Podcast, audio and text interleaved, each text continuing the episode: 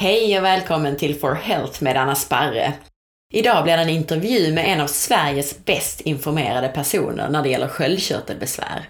Vi ska prata om underfunktion i sköldkörteln med ordförande i Hypotyreosföreningen, Eva Berthagen. Om ni är nyfikna efter avsnittet så hittar ni mer information på forhealth.se. I intervjun idag så hoppar vi direkt in på och diskuterar allt om sköldkörtelbesvär, symptom, hur man kommer till rätta med dem med mera. Så jag tänkte börja att väldigt kort och förenklat berätta vad sköldkörteln faktiskt är. Sköldkörteln är nämligen en hormonproducerande körtel som sitter på framsidan av halsen. Sköldkörtelns hormoner styr framförallt vår ämnesomsättning och därmed vår energinivå. Och det är just därför som det har en så oerhört stor effekt på hur vi mår. Två av sköldkörtelns hormoner de kallas för T4 och T3. Där T4 är en lagringsform av hormonet och T3 är den aktiva formen, eller den mer aktiva formen, som faktiskt kommunicerar till cellerna vilken fart de ska gå på. Och siffran, det vill säga 4 i T4 respektive 3 i T3, det handlar om antalet jodatomer som hormonet innehåller. TSH, det är ett hormon som hjärnan skickar till sköldkörteln för att stimulera sköldkörtelns produktion av sina hormoner, bland annat T4 och T3. Men nu tycker jag att vi bjuder in Eva, som är min gäst idag. Eva Berthagen är kvinnan som grundat Hypotyreosföreningen. I 14 år så kämpade hon själv för att få hjälp mot sin svåra värk och trötthet. Idag är hon nästan helt besvärsfri. Hallå Eva! Hej Anna! Välkommen! Efter den korta presentationen av dig så gissar jag att alla lyssnare är jättenyfikna. Så du kan väl börja med att ge oss din personliga berättelse och bakgrund med hänsyn till sköldkörtelbesvär. Mm. Ja, det kan man väl säga att det började efter eh, det tredje barnet var fött och då var jag 38 år. Eh, jag började få värk och trötthet och värk i leder och muskler. Eh, det, det, kom fler och fler konstiga symptom och ingen kunde riktigt förklara vad det var så jag sökte ju hjälp för de problem jag hade under de kommande åren. Och det konstiga var att det var flera av läkarna som då frågade mig om jag hade sköldkörtelproblem i släkten. Jag tror det kan ha varit för att jag också var ganska svullen över halsen, som en struma ungefär. Eh, och då sa jag ju att jag hade det i flera generationer och så tog man blodproverna och så sa, man, sa läkarna då att nej men det var inte det. Och jag trodde på det. Så gick åren och det blev ju bara fler och fler och fler symptom. Jag hade periodiskt ganska svårt att jobba. Eh, familjen hemma skötte det mesta till mig, man och, och yngsta barnet och tog hand mycket om tvätt och städning och, och sånt. Eh, och det dröjde ända till 2008 som jag läste en artikel av en läkare i Finland som heter Karin Münsterhjelm. Och där skrev hon att man kunde ha sköldkörtelproblem och det var inte alls säkert att det syntes i blodproverna. Och så hänvisade hon till en amerikansk läkare, Mark Starr, som hade skrivit en bok om det här. Boken hette Hypothyroidism, eh, The Epidemic Type 2 kallade han den. Och då köpte jag den boken och läste den rakt igenom två gånger fast den var på engelska och min hjärna fungerade väldigt, väldigt dåligt då. För då hade jag sådana här symptom som eh, hjärndimma, eh, engelskan, om jag skulle prata den, den var helt borta. Det tog mig alldeles för lång tid att ens hitta orden. Men här kunde jag ju läsa en bok och förstå den är populärvetenskapligt skriven och jag kunde använda lexikon. Och det var som att läsa en thriller om mig och min släkt, många i min släkt. Så eh, det blev så att jag åkte till Karin Münsterhjelm våren 2009. Hon satte mig då på eh, naturliga sköldkörtelhormoner, vilket hon ju gjorde med i princip alla patienter. Och eh, hon sa, du har inte sådana blodprover som läkarna skulle mena att du har hypotyreos, men du har ärftligheten, du har alla symptomen och du har den låga tempen. Så, så gjorde vi. Och då började jag bli bättre igen. Och precis, du började bli bättre då. Är du frisk idag eller symptomfri? Från min hypotyreos skulle jag säga att jag har varit nästan symptomfri under de här åren. Och jag jobbar ju heltid och, och klarar av det bra, så jag får säga att jag har, jag har en hyfsat bra hälsa idag. Mm. Och beror det på den här behandlingen eller har du förändrat din behandling någonting? Eller? Jag har ju gjort en del annat också. Jag har eh, uteslutit nästan helt gluten ur kosten. Jag tar en hel del kosttillskott och ja, sådana saker.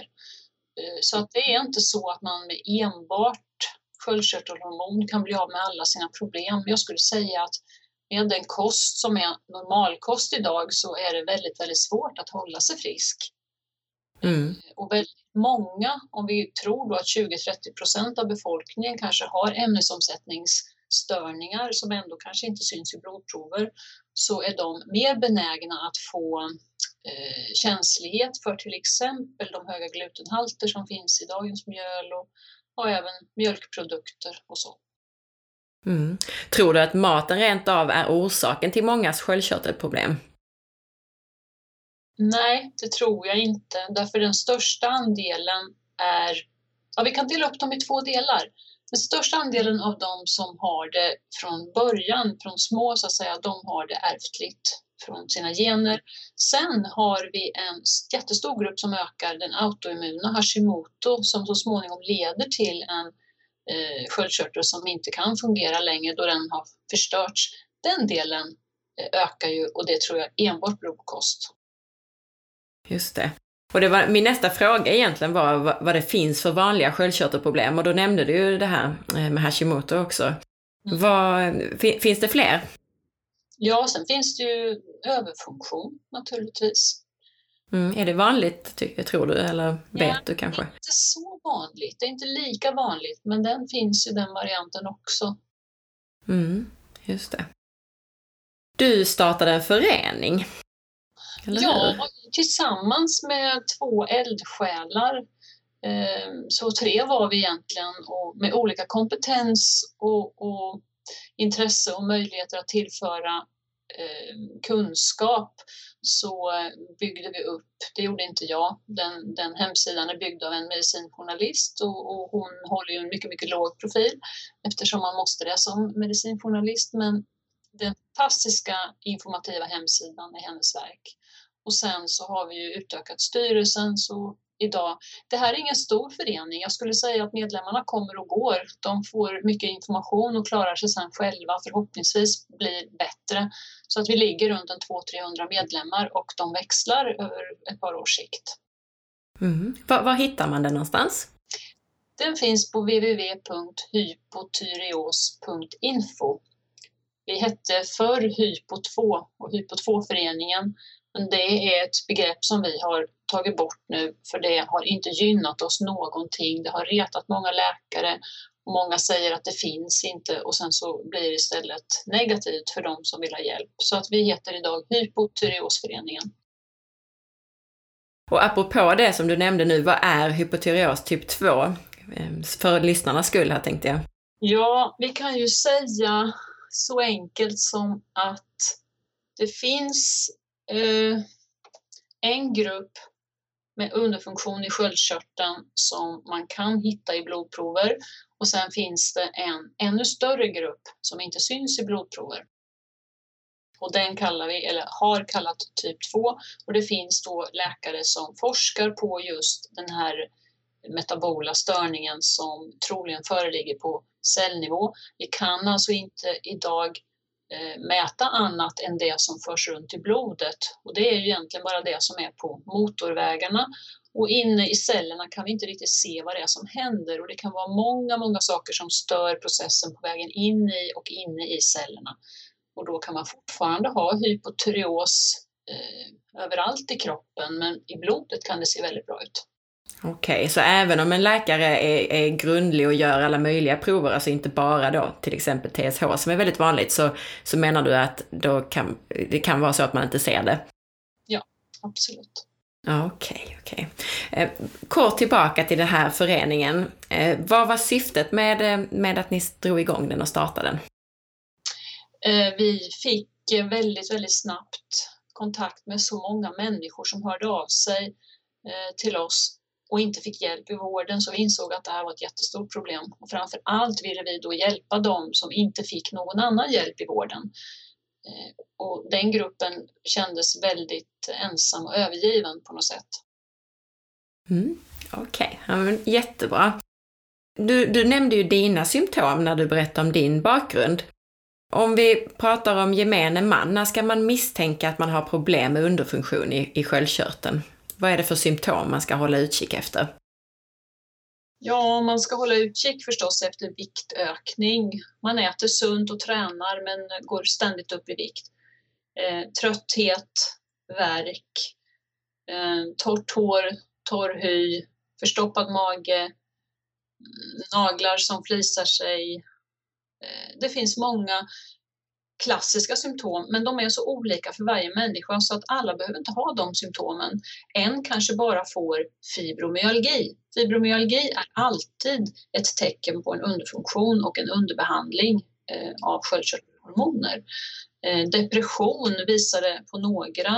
Eh, det kan vara infertilitet, det kan vara eh, mag-tarmproblem, det kan vara väldigt, väldigt många saker eftersom eh, sköldkörteln ska förse varje cell och varje mitokondrie i hela kroppen och då pratar vi miljarder, så kan varje organ uppvisa symptom egentligen. Och då säger en del läkare som Karin Münsterhjelm att hon, hon har kartlagt 200 olika symptom. Det kan man säga som en smörgåsbord och vissa patienter uppvisar många, andra bara ett. Eh, men eh, forskning då visar att den låga tempen alltid finns där om man har en sån här metabolstörning. Just det. Och det finns, visst finns det en metodik för att, eh, att, att mäta sin, sin temperatur och på så sätt utläsa om man, ja, om man ja. tror... ja, vill du berätta om den? Eh, det här är ju en läkare som eh, hette Broda Barnes som har forskat mycket på det här och eh, den forskningen finns via hans förening som man kan gå in på nätet och beställa material och böcker därifrån. Men det han säger då det är att man ska mäta temp rektalt eller i armhålan, inte någon annanstans Eh, man ska mäta med en bra termometer som kan mäta länge. Dagens digitala termometrar mäter egentligen bara några sekunder och sen räknar de fram ett värde. Och de är bättre på att mäta feber än på att mäta låg temp. Ehm, Intressant, okej. Okay. Mm. Rektalt ska man alltså ha 30, eh, 37 till 37 och 3 på morgonen innan man kliver ur sängen. Basal temperatur betyder att man inte har ätit och inte rört sig på ganska många timmar. Så det är innan man kliver upp på morgonen. Och för menstruerande kvinnor så är det egentligen bara andra och tredje dagen som är bra att mäta. För däremellan är man störd av den här cykeln med ägglossning och allting och då fluktuerar tempen. Och dag, då, då räknar vi dag ett som första blödningsdagen, eller? Ja, precis. precis. Om man nu har, har ett antal symptom och eh, så testar man sin temperatur och så inser man att okej, okay, ja den är för låg, ja, det, det måste vara så att jag har underfunktion i sköldkörteln. Vad ska man göra då? Jag tycker att man ska gå direkt in på hemsidorna för föreningarna. Man kan gå via patientsupportgrupperna på Facebook, för det har både vi och flera andra föreningar, Sköldkörtelföreningen och eh, Eva Renner har en grupp och eh, ja, det finns flera stycken och där kan man få hjälp med att vända sig till rätt kanaler. Det är så att vill man gå den vanliga vägen till vården, då kommer man att få många, många, många bakslag. Och går man till specialisterna, då kommer man att få ganska hemska bakslag. Eh, och det är inte, tycker jag, riktigt rättvist mot dem som redan är sjuka och behöver hjälp det känns eh, som att det är bättre att ge rådet att gå till en läkare som förstår de här problemen, som kan hjälpa dig på rätt sätt och du kan få en upp, uppåtgående spiral istället för att bli helt modstulen och inte veta vad du ska ta dig till. Man måste vara frisk för att söka vård har jag hört någon säga, så det, det är väl så. Så är det. Så är det. Vilka problem kan man stöta på inom vården om man nu skulle vara så att man gick till sin vårdcentral eller till en specialist? Ja, att man blir ifrågasatt, att man blir kallad eh, väldigt tråkiga saker, att man blir erbjuden antidepressiva för att man måste ha psykiska problem, ehm, att eh, de alternativa vård eller behandlingar man föreslår ifrågasätts, att man eh, uppmanas att absolut inte läsa på nätet och hitta på en massa konstiga saker som inte stämmer. Ehm, men sen är det lite olika från läkare till läkare. Generellt skulle jag säga att endokrinologer behandlar patienterna sämre än, än eh, vårdcentralens läkare, allmänläkare gör. Och det är de som ska vara experter på hormoner? ja, jag skulle till och med Alltså de är nog lika okunniga som grupper men allmänläkarna är mer ödmjuka och säger vi vet inte allt. Det säger inte endokrinologer kan jag säga. Mm. Och hur vanligt då alltså, är det att man, att man inte får hjälp eller får fel diagnos? Är, är det så att, all, att det är så för alla eller är det Alltså hur stor andel? Det är väldigt vanligt. Mm. Det är väldigt vanligt. Vi har ju ingen statistik på det. Vi har statistik på hur många som får Levaxin utskrivet som ju är det enda eh, generella behandlingssätt som finns idag och det är 400 000 i Sverige. Det är alltså ungefär 4 procent av befolkningen. Av dem vet man, säger läkarna då, att 5 procent är inte nöjda med sin vård. Men jag har varit i kontakt med väldigt många människor som har gått på Levaxin i många år och först menar att de mår bra. Men när man pratar djupare med dem så har de ju det symptomet och det symptomet och det symptomet. Men de har aldrig förknippat det med en underbehandling av sin hypotyreos för de vet inte att det är samma sjukdom. Så frågan är hur många är egentligen korrekt behandlade på det vaccin? Det vet vi inte.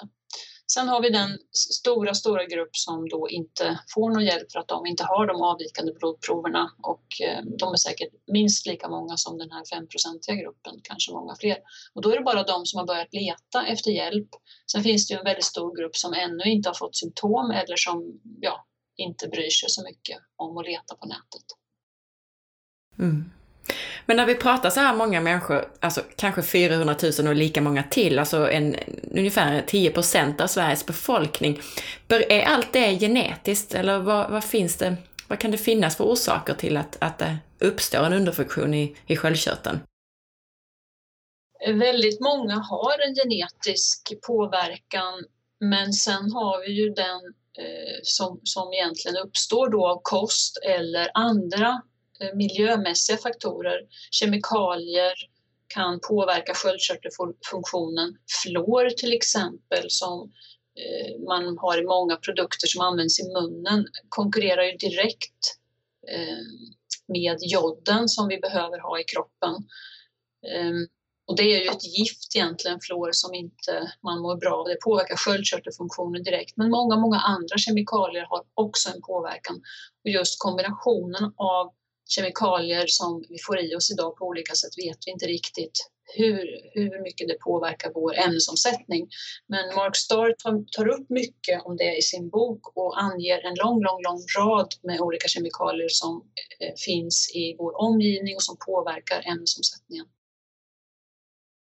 Vi kan ta ett exempel från skidåkare eh, som vallar sina skidor i skidbodar och använder vallor och andra produkter med väldigt mycket fluor i. Man brukar säga att de är där inne i fluordimman och, och håller på med sin utrustning.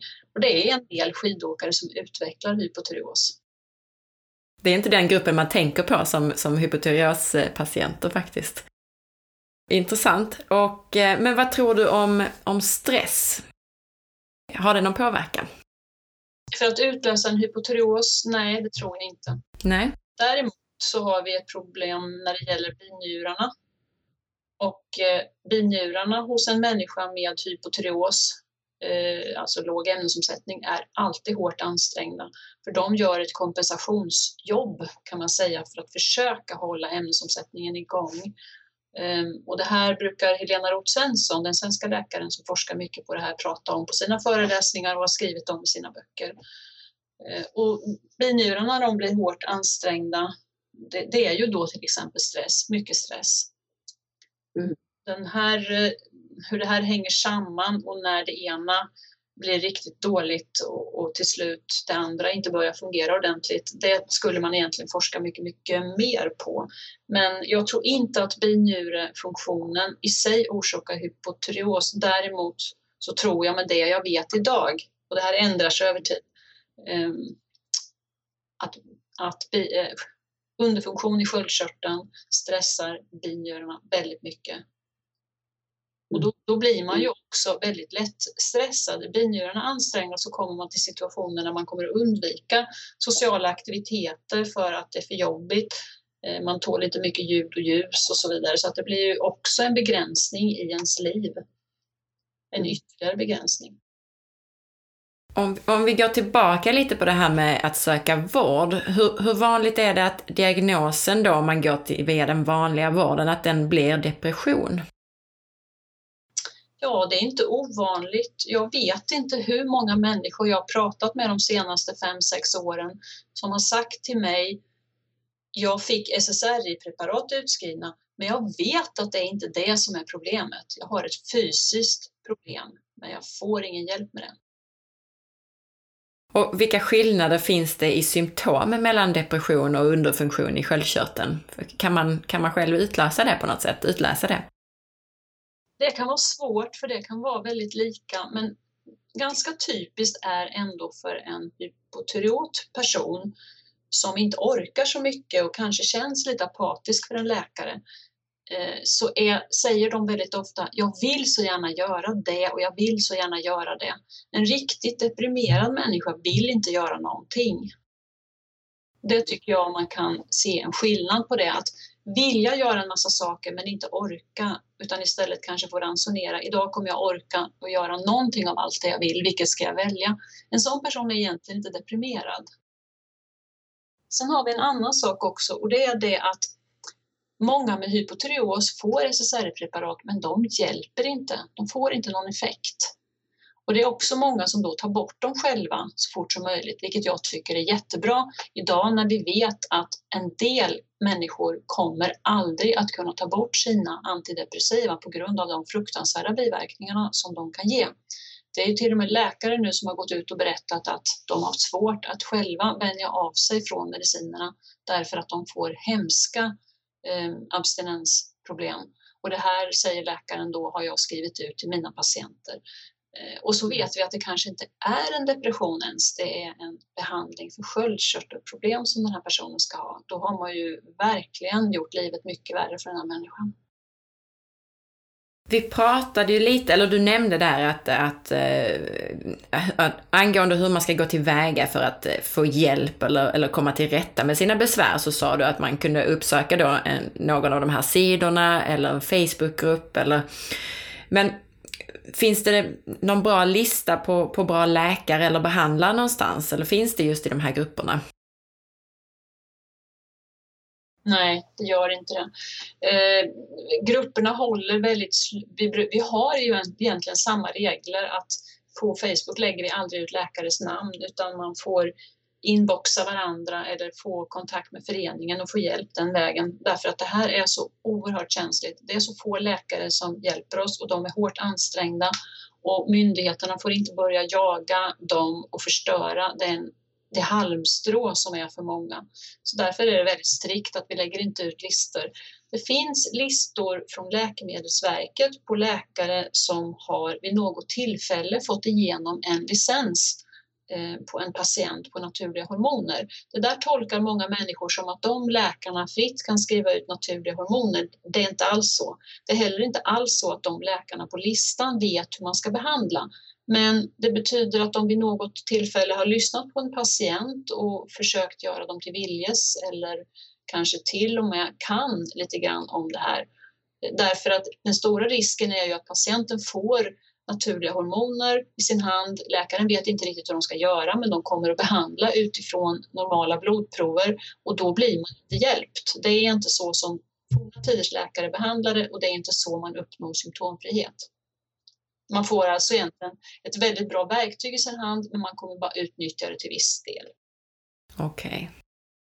När man då kommer till en, till en behandlare eller till en läkare, vad är det för tester som man ska se till att få gjorda? Vad är det, vad är det man ska efterfråga? Ja, vi har ju inga bra tester idag. vi skulle vilja kunna mäta effekten i cellerna på de sköldkörtelhormoner som finns i kroppen naturligtvis, plus säkert andra saker som vi inte vet idag. Men det minsta man behöver är ju TSH, fritt T3, fritt T4. Till det behöver man egentligen också göra andra saker. Man, man skulle behöva få lite status på binjurarna, men det är också en, en eh, svår fråga därför att till och med salivkortisoltest kan visa sig bra vid ett tillfälle men när man sätter igång och behandla på rätt sätt med sköldkörtelhormoner så blir binjurarna ännu mer stressade och då kanske de inte klarar den här behandlingen utan stöd eller hjälp ändå. Och här finns det ju en, en patient som har utvecklat en väldigt, väldigt bra metod som heter CT3N. Man har skrivit böcker om detta och eh, där man kan ta sin första dos sköldkörtelhormon mitt i natten eller vakna så att säga vid fyra eller halv fyra eller någonting och få igång binjurfunktionen igen. Annars är det ju små fysiologiska doser av kortisol som är det sättet som man hanterar initialt den här behandlingen så att man kommer igång och binjurarna börjar återhämta sig. Men det är också så att järnbrist, och nu pratar jag inte HB utan järn i depå, ferritin, S-ferritin. Eh, om det är lågt, vilket det är på många hypotyreota, då får man då får man inte alltid heller ut ordentlig effekt. Då kan patienten drabbas av höga halter reverse T3 och tål inte alls Levaxin eller ens naturliga hormoner som innehåller T4 också. Ehm, det kan vara jodbrist, det kan vara B12-brist, också vanligt bland hypotyreospatienter. Så egentligen skulle man behöva ha en hel radda med prover, prover tagna för att skapa en bild av vad är det för problem den här patienten har. Mm. Vad sa du, vad hette den här metoden som en patient hade utvecklat och vad står det för? CT3M, eh, Circadian T3 Method. Eh, och det är ju så att kroppen har en cykel för produktion av kortisol eh, som är över dygnet och där kortisolhalterna i kroppen är som högst efter midnatt och på tidig, tidig morgon. Eh, om man kan möta den höga pikade kortisolvärdet med framför allt det aktiva T3-hormonet då, säg klockan fyra eller halv fyra eller kvart över tre, för det här kan skilja mycket mellan olika individer och det måste man pröva sig fram till, säger han. Då kan man få, få binjurarna att börja svara på den här T3-behandlingen och må bättre och så småningom eh, så klarar sig binjurarna Eh, rätt så bra med det här. Och det är naturligtvis en bra metod eftersom man slipper tillsätta kortisol som ju många är rädda för. Eh, egentligen helt utan grund, men en del tål inte det. Eh, många är känsliga för, för alla ämnen när man har gått obehandlat kanske i 10 år, 20 år. Och då är det ju bra om behandlingen blir så enkel som möjligt. Mm. Apropå det här med att, att vakna upp och ta medicin så tänkte jag på det här med sömn. Hur, hur, eh, vilka typiska sömncykler eller sömnstörningar har man som, som med underfunktion i sköldkörteln? Finns det något, något särskilt eh, tecken när det gäller sömnen? Ja, det, det, är nog väldigt vanligt att man vaknar mitt i natten och inte somnar om. Men det finns nog de också som inte somnar alls eller som somnar väldigt sent och sover väldigt länge. Och det är ju då binjurarna som producerar kortisol på kvällen och så blir man pigg. Och sen så nästa morgon så är man nästan medvetslös och sover länge. Det är typiska binjureproblem egentligen, men alltihopa det här finns ju hos hypotyreota personer. Mm, just det. Och om vi går tillbaka till det här då med hur man ska komma till rätta med sina, sina besvär så, så pratade vi lite om tester, men vilken medicinering eller behandling kan hjälpa? Alltså vad har du för erfarenhet? Vad blir de flesta hjälpta av eller om det finns någon sån? Ja, det är ju naturliga hormoner, gamla tiders torkad svinsköldkörtel som har hjälpt de allra flesta. Nu har vi ju sett tyvärr bakslag på just de medicinerna också på grund av att till exempel den mest kända då Armor Thyroid gjorde om innehållet i sina tabletter 2009 och väldigt många fick sluta med dem då för de fick inte alls lika bra effekt. Företaget bytte aldrig tillbaka till den gamla fyllnadsmetoden eller fyllnadsämnet. Eh, vi har också haft faktiskt ett bakslag på den kanadensiska RFA förra hösten och våren därför de öppnade en ny produktionsanläggning i Belgien eh, och då plötsligt hände någonting och många klagade på att de inte fick samma effekt. Men eh, och företaget säger att man gör exakt likadant som på tillverkningen i Kanada och där har inga negativa effekter rapporteras. Så eh, man vet inte riktigt vad som hände där. Nu har jag inte hört så mycket mer om det under den här hösten, men som sagt, ja, det har funnits bakslag där. Men det är inte de bakslagen som läkarna refererar till, det vill säga de har sagt i många, många år att innehållet i naturliga sköldkörtelhormoner varierar från batch till batch. Det skriver till och med Läkemedelsverket i sina avslag till de som söker. Och det har aldrig bevisats. Det har aldrig kunnat bevisas att det är på det sättet. Eh, tillverkningskraven är rigorösa, lika hårda som eh, för alla andra mediciner. Eh, så att det stämmer bara inte. Däremot så har vi papper i föreningen från FDA Läkemedelsverket kan man säga då i USA som redan på 90-talet konstaterade att det syntetiska levotiroxin inte är lämpligt att eh, lagra på hyllorna i apoteken för det tappar så mycket poten potens i läkemedlen. Eh, och det är alltså Levaxinet som läkarna menar är riktigt stabilt, det är det inte. oj, oj. Men finns det några alternativ då? Jag tänkte om de här nu har blivit sämre, som du säger, de här naturliga preparaten. Finns det några alternativ eller alternativa märken? Ja, det finns flera olika tillverkare, så man kan ju pröva då byta från det ena till det andra och se. För det, min erfarenhet är att um, det är inte så att ett preparat hjälper alla, utan vi är alla olika. Och det kan vara en kombination av syntetiskt T3, T4 som blir absolut bäst för en. En annan person tål inte T4 överhuvudtaget och kan ju då inte ta naturliga hormoner heller. Tar vi alla de med reverse T3, vilket jag känner också är en grupp som ökar, så eh, får de ju enbart ta syntetiskt T3. Mm. Då får du nog berätta för lyssnarna vad reverse T3 är för någonting. Mm. Reverse T3 det är en, ett tillstånd där kroppen har börjat göra för mycket av ett bromsande hormon kan vi säga som blockerar det aktiva T3 från att komma in i cellerna. T4 omvandlas ju, alltså om vi tar Levaxin, det omvandlas ju till aktivt T3-hormon Eh, för det är det som ska hjälpa kroppen hålla ämnesomsättningen igång. Men det här måste komma in i cellerna Bildar kroppen för mycket av reverse T3 då blockeras det här så att T3 inte kommer in i cellerna och man kan ha man, man blir alltså ännu mer hypotyreot och det hjälper inte hur mycket medicin man då tar, framförallt inte som innehåller T4, man blir sämre helt enkelt. Det här tillståndet kan uppstå vid lite olika tillfällen, men till exempel en människa som är i svält under en period det kan vara till och med en diet då som man har hållit länge. Det är samma sak egentligen kan utveckla väldigt mycket reverse T3 och lite reverse T3 har vi, det ska finnas i kroppen för det är en broms som kroppen själv kan styra så att det inte blir för mycket av eh, ämnesomsättningshormon. Men svälter man, då vill ju kroppen naturligtvis dra ner på ämnesomsättningen på något sätt och göra så att näringen man får i sig räcker så länge som möjligt. Så det är en fullständigt naturlig mekanism. Men den kan alltså då bli för mycket av.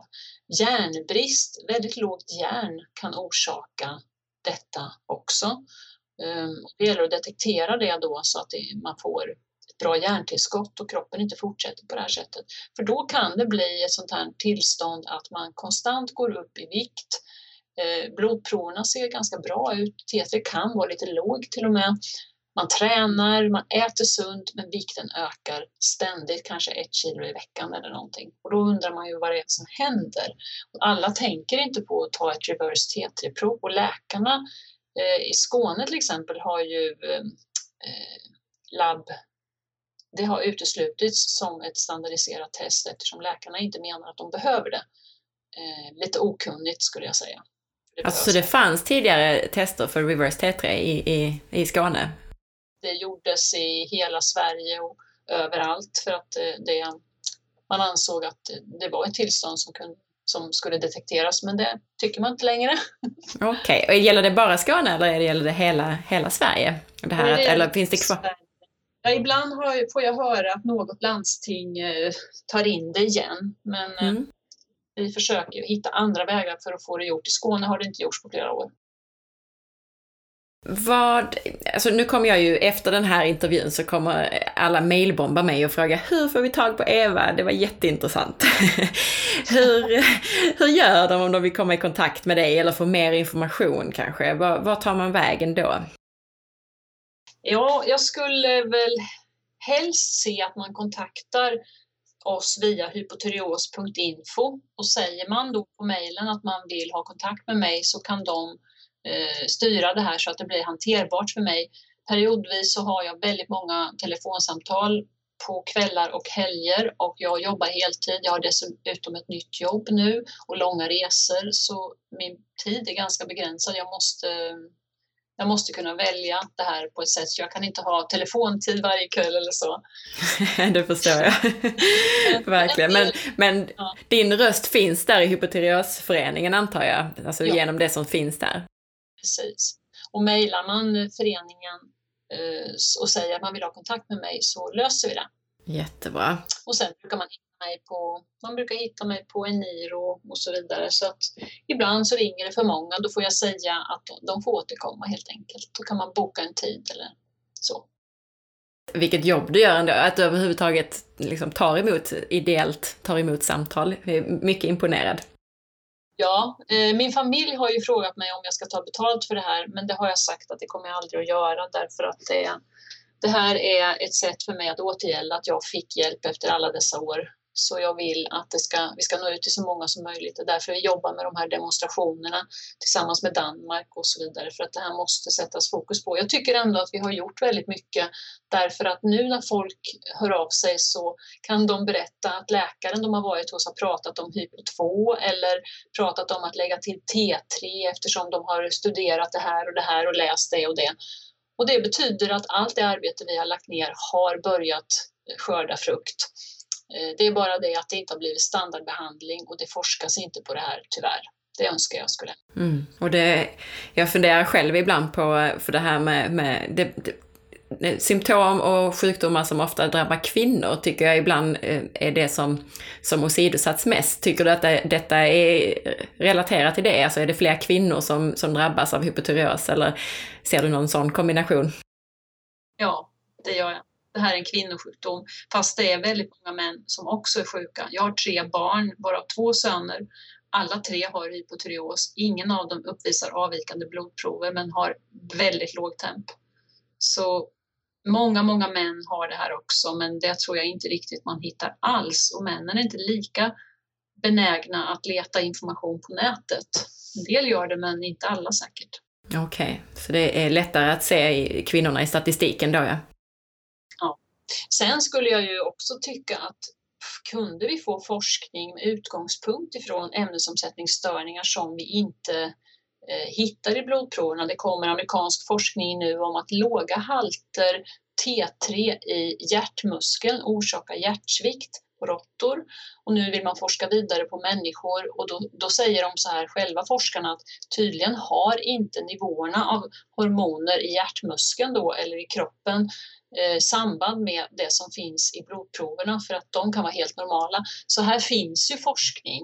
Eh, och det är bara att konstatera att både Mark Starr och eh, Broda Barnes och alla de läkare som trots allt har behandlat med, natur med naturliga hormoner, de säger själva att de har löst eh, hjärt, eh, hjärtsjukdomsproblematiken. Därför de har inga hjärtinfarkter hos sina patienter överhuvudtaget. Och till och med de patienter som får en hjärtinfarkt och man lyckas efter ett tag placera då på naturliga hormoner, kanske en låg dos men ändå, kommer aldrig att få någon ny hjärtinfarkt. De kommer inte att utveckla diabetes enligt den gamla forskningen och de, kommer, de som kommer med diabetes till läkaren redan eh, och får hormonerna kommer vara mer lättinställda och kommer inte att utveckla de svåra eh, komplikationerna med eh, amputationer, ögon, alltså blindhet och förstörda njurar som andra diabetiker kan få. Så det finns enormt många hälsovinster med att lösa den här ämnesomsättningsgåtan. Eh, och vi skulle spara så mycket pengar. Jag vet i Skåne lägger man, tror jag, 16 miljoner på de som behöver eh, sån Serpap, syrgas, hemma på nätterna för de har sömnapnéer. Väldigt många av dem hypotyreos. Det läggs väldigt mycket pengar på infertilitetsutredningar och IVF-behandlingar. Väldigt många av dem har hypotyreos och skulle med hjälp av lite hormoner eh, bli gravida. Alltså det får sådana följdeffekter eftersom det påverkar hela kroppen. Och kunde man lösa det här vid, vid källan så skulle vi kunna tjäna in så mycket pengar i samhället som vi behöver för att få en bra vård. Verkligen. Oh.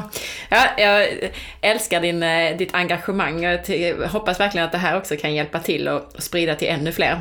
Ja. Och eh, att de kontaktar Hypotyreosföreningen. Jag tänkte bara fråga också, Hypotyreosföreningen och Sköldkörtelföreningen nämnde du, är det samma sak eller är det olika föreningar? Det är olika föreningar. Mm. Är det no spelar det någon roll vilken man kontaktar? Nu tycker jag ju såklart att man ska kontakta din förening, som är Hypotyreosföreningen, men eh, spelar det någon roll annars? Är det, gör ni liknande saker eller skiljer det sig?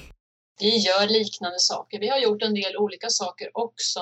Till exempel så höll vår förening en utbildning för läkare i Stockholm 2012 eh, och då hade vi föreläsare där som Bo Wikland, Karin Münsterhjelm och, och ja, lite olika. Men i stort sett gör vi samma sak. Vi har väldigt bra kontakter mellan varandra och ja, man får hjälp var man än vänder sig. Jag ser till exempel i Danmark nu kommer det också fler föreningar. Vår förening fokuserar ju mycket på dem som inte syns någonting i blodproverna. Eh, och nu kommer det en ny förening i Danmark som heter Lavt Stoffskifte och de fokuserar bara på eh, de här hypotyreota personerna. Men så finns det de andra föreningarna också så att det är ett behov känns det som att ha lite olika inriktning. Mm. Apropå det här med, med olika länder och Danmark och Sverige, finns det något land där det är lättare att få hjälp? Nej. Nej. gott och gott. ja, jag hade en klinik i, i, eh, Oslo som vi skickade ganska många till, Balderkliniken, under några år, men så fick de en ny chef och den svenska läkaren som jobbade där, han kunde inte mm, Eh, få lika lätt att skriva ut naturliga hormoner. Så han har öppnat en mottagning på Öckerö i, utanför Göteborg istället. Nej, det, det är svårt överallt, tyvärr. Mm. Just det, men det, är det lättare att få tag på, på de här preparaten, alltså behandlingen, är det lättare till exempel i USA eller? Jag skulle säga att eh, nej, även där jagas de och läkemedlen, även, de kan ju vara godkända. Om vi tar Armor är ju godkänt i USA, men det är inte godkänt med sådana här dubbelblindstudier eh, i resten av världen. Så att där kan vara lättare att få en licens på just Armor i USA och i Kanada på den här från ERFA då eftersom det är godkänt i Kanada. Men eh, Belgien, England, eh, Holland, eh, Tyskland till viss del, där anser man att de naturliga sköldkörtelhormonerna, torkad svinsköldkörtel, de användes ju som enda behandlingsalternativ under nästan hela 1900-talet. Och det är ytterligt få biverkningar rapporterade. Så de, de kallar de här att de har grandfathered dem. Eh, de är säkra att skriva ut utan att de är licensierade kan man säga då. Okej, okay, för historien har visat på säkerhet? Ja, tillräcklig säkerhet? Precis, så är det inte i Sverige. Här säger man istället att de är nog farliga, tror man. Eh, fast det finns bara tre biverkningar rapporterade under 70 eller 80 år i Sverige, för jag har dem i källaren här. Men, eh, men eh, nej, det, hittar man en läkare i de länderna så skulle jag säga att det är lättare att få igenom en licens eh, om man hittar en läkare som är beredd att pröva de här gamla behandlingsalternativen. Nu är inte det så lätt att göra det och den doktorn Gordon Skinner som vi hade mycket kontakt med och som jag besökte i Birmingham när han startade upp World Thyroid Forum som gick bort tyvärr förra hösten. Han var ju konstant jagad av deras socialstyrelse med ständiga hearings där hans patienter kom och stöttade honom hela tiden och han fick fortsätta verka men det var hela tiden väldigt motigt och han hade 2000 patienter som han hjälpte då. Det är, det är tufft överallt tyvärr. Mm. Jag kom på det, vi kanske ska förklara för lyssnarna också vad det innebär det här med att få igenom en licens. Varför behöver man det eller vad, vad innebär det? En licens söker läkaren på Läkemedelsverket för att patienten ska, och det är den enda, alltså den patienten måste ha en egen licens på Läkemedelsverket för att få pröva de här eh, naturliga sköldkörtelhormonerna. Och eh, vårt svenska läkemedelsverk är väldigt njugga med att och, eh, ge licenser. Så att har man inte som de tycker lämpliga, bra eh, blodprover på just Levaxin då kan de avslå ansökan gång på gång. Får man igenom den eh, för att man kan uppvisa blodprover som de tycker verkar okej, okay, då eh, måste läkaren ändå ansöka om ny licens årligen och det är ett administrativt arbete som är ganska tungt så det finns ju läkare naturligtvis som drar sig för detta och tycker att det här blir alldeles för jobbigt.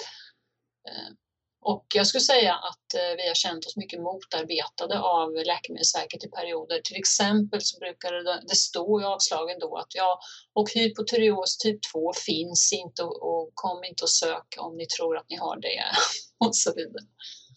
Mm.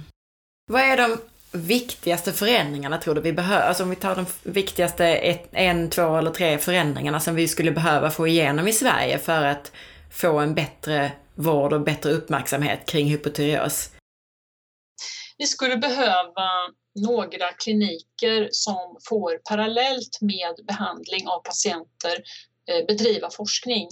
Jag skulle säga att det finns så mycket eh, gammal kunskap och forskning att stödja sig på. Så att starta klinikerna och börja behandla direkt, det är fullständigt tryggt och säkert även för eh, för eh, Socialstyrelsen och andra som skulle vara tveksamma till detta, men det kan man stödja sig på. Parallellt med det så skulle man bedriva forskning och man skulle göra jämförande studier.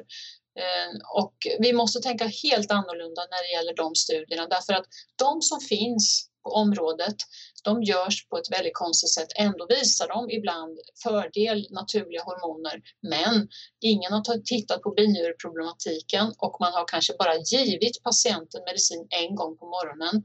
Och alla som tar naturliga hormoner vet att man ska tillföra dem successivt under dagen och då får man mycket bättre resultat. Så gjorde vi studierna på ett annorlunda sätt så skulle vi se långt mycket större fördelar med detta. Så jag vill ha forskning och jag vill ha forskning på rätt sätt då. Eh, och sen vill jag att vi utvecklar kunskapen i vårt moderna samhälle om vad som händer med befolkningen om vi eliminerar de här ämnesomsättningsstörningarna. Vilka effekter det får på andra sjukdoms tillstånd eh, och hur vi kan sänka kostnader totalt i samhället när vi har begränsade resurser och inte möjlighet att höja skatterna mer än vad vi har idag. Jättebra. Då lämnar vi en, eh, en, eh, ett budskap här då till, till svenska staten att lämna forskningsmedel till, till sköldkörtelbesvär, eller till forskningen kring underfunktion i sköldkörteln och så dessutom medel till att kommunicera det här, som du sa, det viktiga budskapet kring, kring hur mycket det faktiskt påverkar. Det är ju faktiskt 10% ungefär, kan vi, alltså uppskattningsvis nästan 10% av svenska befolkningen som lider på ett eller annat sätt av besvär med sköldkörteln. Ja, och det är lågt räknat tror jag. Mm. Är det någonting ytterligare som du tycker att vi missat att prata om här eller som du vill ta upp? Vi har nog ventilerat det allra mesta tror jag som är på det här området.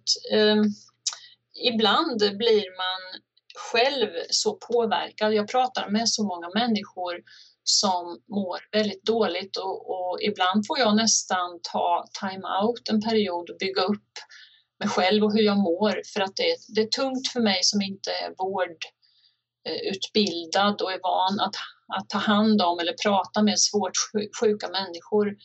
Ehm, och det tror jag också eh, att man ska jobba med. Man måste ta om hand det här. Det finns väldigt många människor som har gått utan behandling så länge så att det är irreparabla skador på kropp och, och själ.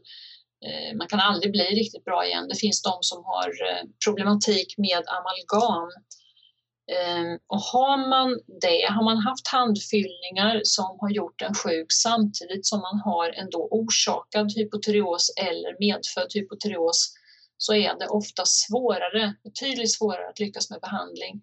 Och det är tungt för en människa att höra det, att jag hör vad du säger, jag ser vad du har för problem, men tyvärr går det nog inte att hjälpa dig. Det är jättetufft både för den som hör det och för den som säger det. Men det är min erfarenhet av ganska många människor med eh, amalgamproblem som klart och tydligt har en hypotyreos också och som gärna vill ha hjälp. En del har sanerat, en del funderar på att sanera eh, och då kan man ju bli sjukare så att det, vilket ska man börja med och, och vad kommer det här att leda till? Det, det är tufft. Mm. För att avsluta på en, en positiv not då, vad, vad, säger de som har blivit bättre? Alltså hur, hur, eh, vad är skillnaden så att säga? Hur, hur, hur upplever de sin, sin bättring? Ja, för många så är det ju så att det sätt man uttrycker sig är jag har fått livet tillbaka. Och det är jättetrevligt när de hör av sig efter något år eller så och säger att jag har fått livet tillbaka. Mm. Underbart. Vad härligt. Mm. Ja.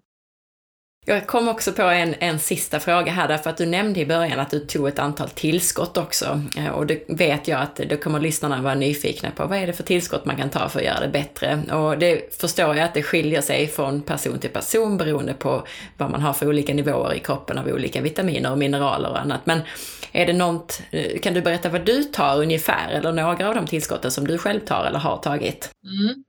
Ett eh, tillskott som vi tar regelbundet här i familjen, det är bra D-vitaminer. Som, de beställde vi faktiskt via Kostdoktorns reklam på Kostdoktorns hemsida, för det måste vara D-vitaminer som är lätt upptagliga av kroppen. Ehm, och det tar vi i rätt höga doser, 2500 eller mer om dagen. Och det gör vi från oktober till maj ungefär, för att i Sverige så kan inte vi um, vi får inte så mycket sol så att vi kan bilda D-vitamin. Bristtillstånd med D-vitamin ger väldigt många negativa effekter på kroppen. B12-vitamin tar vi också, men då tar vi bara den typen som man smälter under tungan. Därför att för många hypotyreota människor har magen slutat ta B12 ur maten och då hjälper det inte att svälja en B12-tablett utan man måste ju försöka få i sig det på annat sätt om man inte har turen att få sprutor förstås intravenöst.